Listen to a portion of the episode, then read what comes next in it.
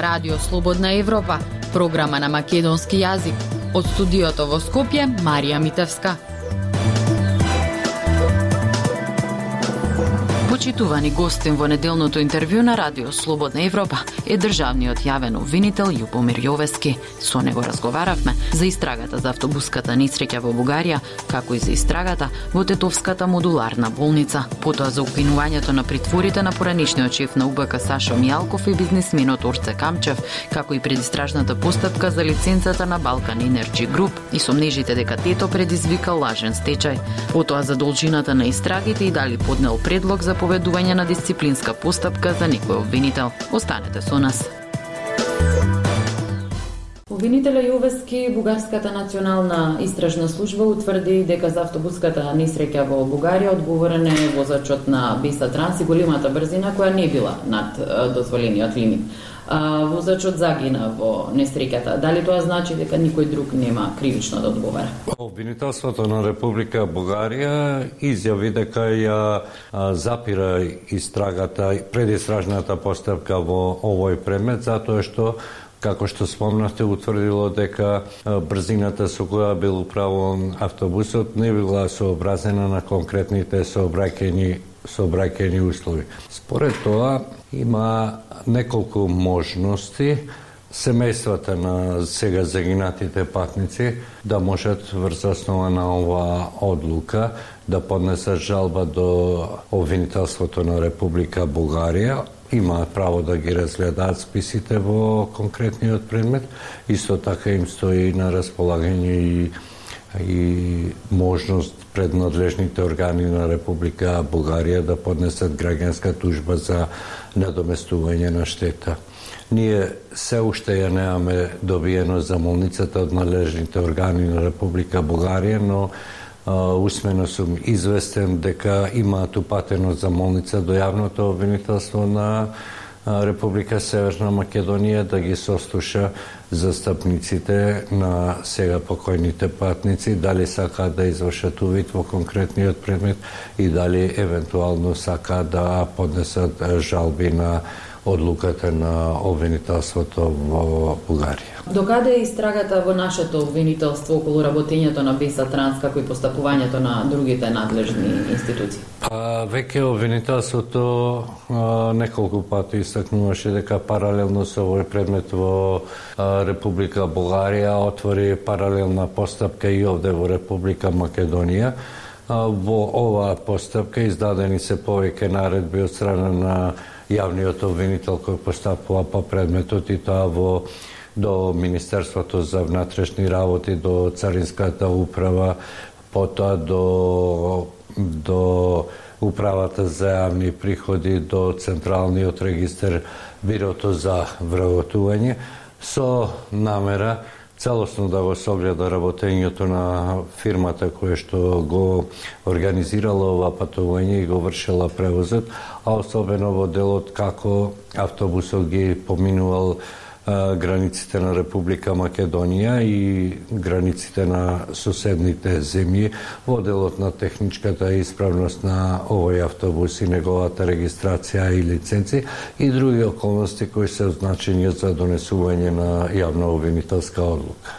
Каде е собственикот на Биса Транс Беким Хаджиу? Достапен ли е за обвинителството? Од овие сознанија што ги имам, тој е достапен на обвинителството и и од страна на неговиот адвокат и од страна на обвинетиот бе изјавена е согласност дека тој сака да соработува со надлежните органи во делот на утврдување на причините и околностите кои доведоа до оваа сообраќајна неска. Во меѓувреме тетовските обвинители, како што беше сообштено, го разгледуваат извештајот на германските експерти за несреќата во модуларната болница во Тетово. Кога може да се очекува јавно обвинителска одлука за натамошно постапување по предметот бидејќи прибрани се сите докази? Како што е познато, денови јавното обвинителство го доби извештајот од германските експерти во делот на вештачењето, кој што ние го побаравме со меѓународна правна помош веднаш да истакнем дека ова вештачење во основа се сопоѓа со вештачењето извршено од нашите од нашите експерти дека пожарот најпрво настанал во просторијата број 3 каде што се вршело ре, реанимација на еден пациент, а потоа се проширили на другите простории во модуларната болница. Исто така, заради јавноста да истакнем дека покрај ова вештачење, обвинителството нареди и други вештачења од надлежните органи во Република Северна Македонија, пред се од Министерството за внатрешни работи, потоа од електроинженер во делот на електроинсталацијата од Технолошкиот факултет. Покрај тоа, обвинителството во овој период обезбеди повеќе докази кои што се однесуваат на лица кои имаат определени сознанија во делот на настанувањето на оваа несреќа и во овој момент обвинителите тука мора да истакнем дека на помош на двајцата обвинители во Тетово им беа обезбедени обвинители, дежурните обвинители во двајцата дежурни обвинители во основното јавно обвинителство Скопје. Сите ги проучува сите овие докази, секој посебно и во рамките на нивната севкупност и доколку постојат доволно елементи за донесување на јавно обвинителската одлука, очекувам дека во скоро време ќе донесат соодветна одлука. Значи, дефинитивно причината за пожарот е приклучен продолжен кабел. Според сегашните вештачења и докази со кои ние располагаме, Пожарот е избиен во моментот кога се врши реанимација на еден од пациентите во оваа болница. Бивте против прифаќање на гаранцијата од 11 милиони евра на поранишниот шеф на УБК Саша Мјалков, а по него на истиот начин од притвор излезе бизнисменот Орце Камчев. Во јавноста има впечаток дека со ваквите одлуки на судовите мокениците се недопиливи. Јас не секам да ги коментирам судските одлуки со оглед на тоа што ти млад неприкосновено дејство и како другите субјекти обвинителството е должно да ги почитува. Меѓутоа, може во оваа прилика да истакнем дека обвинителите кои постапуваа по овие предмети беа против прифаќањето на гаранцијата и тоа од неколку причини. Прво затоа што гаранцијата се состоеше во недвижен имот, а согласно законот гаранцијата се дава во првенствено во парични средства, а поискут во готови пари, а поискучек во имот, како што е познато, имотот тешко се претвара во пари доколку дојде до пропаѓање на гаранцијата.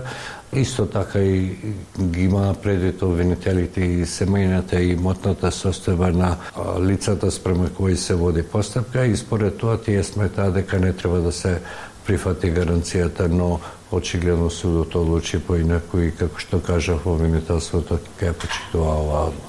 Зошто не ги објавивте на водите од извештајот за недостапноста на Мијалков на органите за прогон за врачување на решението за притвор? Обвинителството секојаш се раководи од принципот на законитост, дел од овие постапки во определен момент се и тања и обвинителството строго ги почитува законите и во оној дел кога ќе процени дека определен податок, определен доказ нема да и наштети на предходната постапка или на истрагата, тие ги приопштува до јавноста. Според тоа, секојаш обвинителството се води од целите на постапката која се води со намера како што и законската одредба да не ја загрози постапката во конкретниот предмет. Беа ли утврдени некакви пропусти на надлежните органи? А во тој дел обвинителството доби соодветни информации и постапи согласно овие информации. Обвинителството во овој предмет не ги тангира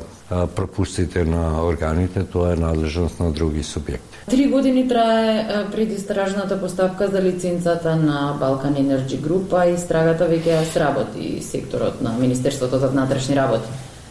Зошто е потребно толку време да се заврши предистрашната поставка или предметот бил заборавен во ФИОК? Не го потврдувам вашето мислење дека предметот е заборавен во ФИОК, обвинителството постапува ажурно, ажурно по овие предмети, се работи за еден сложен предмет по кој е необходна и меѓународна правна помош, за еден предмет помеѓу повеќе деловни субјекти и обвинителството ги истражува сите околности во врска со овој предмет за да може да донесе соодветна одлука. Финансовата полиција утврдила основен сумнеж дека Тето предизвикал лажен стечај и дека е за перење пари, но обвинителството при проверка на истите документи смета дека нема сумнеж за такво кривично дело. Како исти документи добиваат различна оценка од две институции? Те секој во рамките на својата надлежност. Обвинителството мора да ги провери и да ги утврди сите факти со оглед на тоа дека во конкретниот случај ако поднесе обвинение мора да има релевантни докази тоа да го документира и со тие докази да издесува одлука од надлежниот суд. Според тоа, јас Во овој момент не тврдам дека обвинителството е отфрлило кривичната пријава на кривичната пријава на финансиската полиција како што на, на како што претходно истагнав се испитуваат, се истражуваат сите околности во врска со овој настан. Позабелишките дека не се запазуваат роковите за истраги од Стейт Департментот, најавивте дека ќе проверуваат ефикасноста на обвинителите. До какви сознанија дојдовте во меѓувреме? Во овој дел мислам дека е потребно да се истакне дека пробивањето на роковите во поголем дел се должи на објективни околности со оглед на тоа што например потребно е повеќе време за да се изврши определено вештачење и да се прибави определен доказ, посебно тоа е изразено за доказите кои што треба да се обезбедат со меѓународна правна помош каде постапката трае со неколку месеци, но мора да признаеме дека има и субјективни слабости. Овие субјективни слабости, доколку се утврдат во постапувањето на јавниот обвинител, се договоривме дека тој ќе поднесе соодветна одговорност. Сте поднеле ли до сега предлог за поведување на дисциплинска поставка за нестручно и несовесно работење на некој јавен обвинител? Да, има, има и сега во моментот во постапки, но со оглед дека дека оваа постапка е тајна, додека не станат правосилни тие одлуки, јас не би сакал да соопштувам детали околу постапките кои што се водат. Македонија за една година скокна за 24 места на индексот за перцепција на корупција на Transparency International. Колку на вистина имаме напредок во борбата против корупцијата во земја?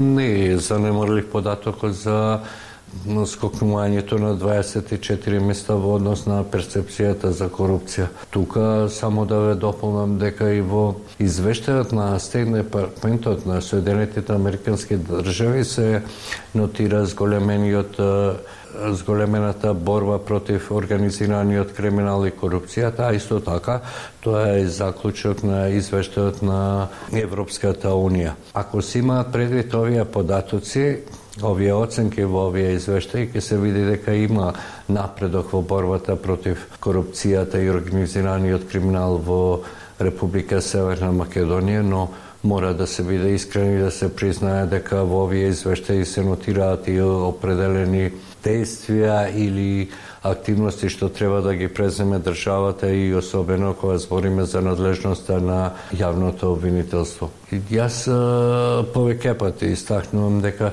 за разлика од поранешниот период, сега во јавното обвинителство ние имаме отворени предмети за носители на актуелната власт.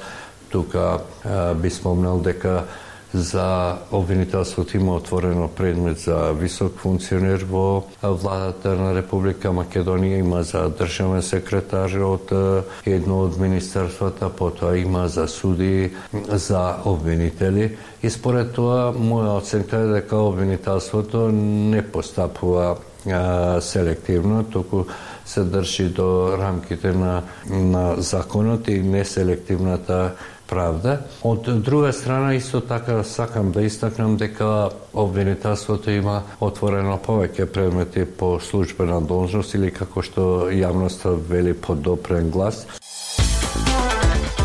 Го слушавте неделното интервју на Радио Слободна Европа. Од студиото во Скопје со вас беа Марија Митевска и Дејан Балаловски.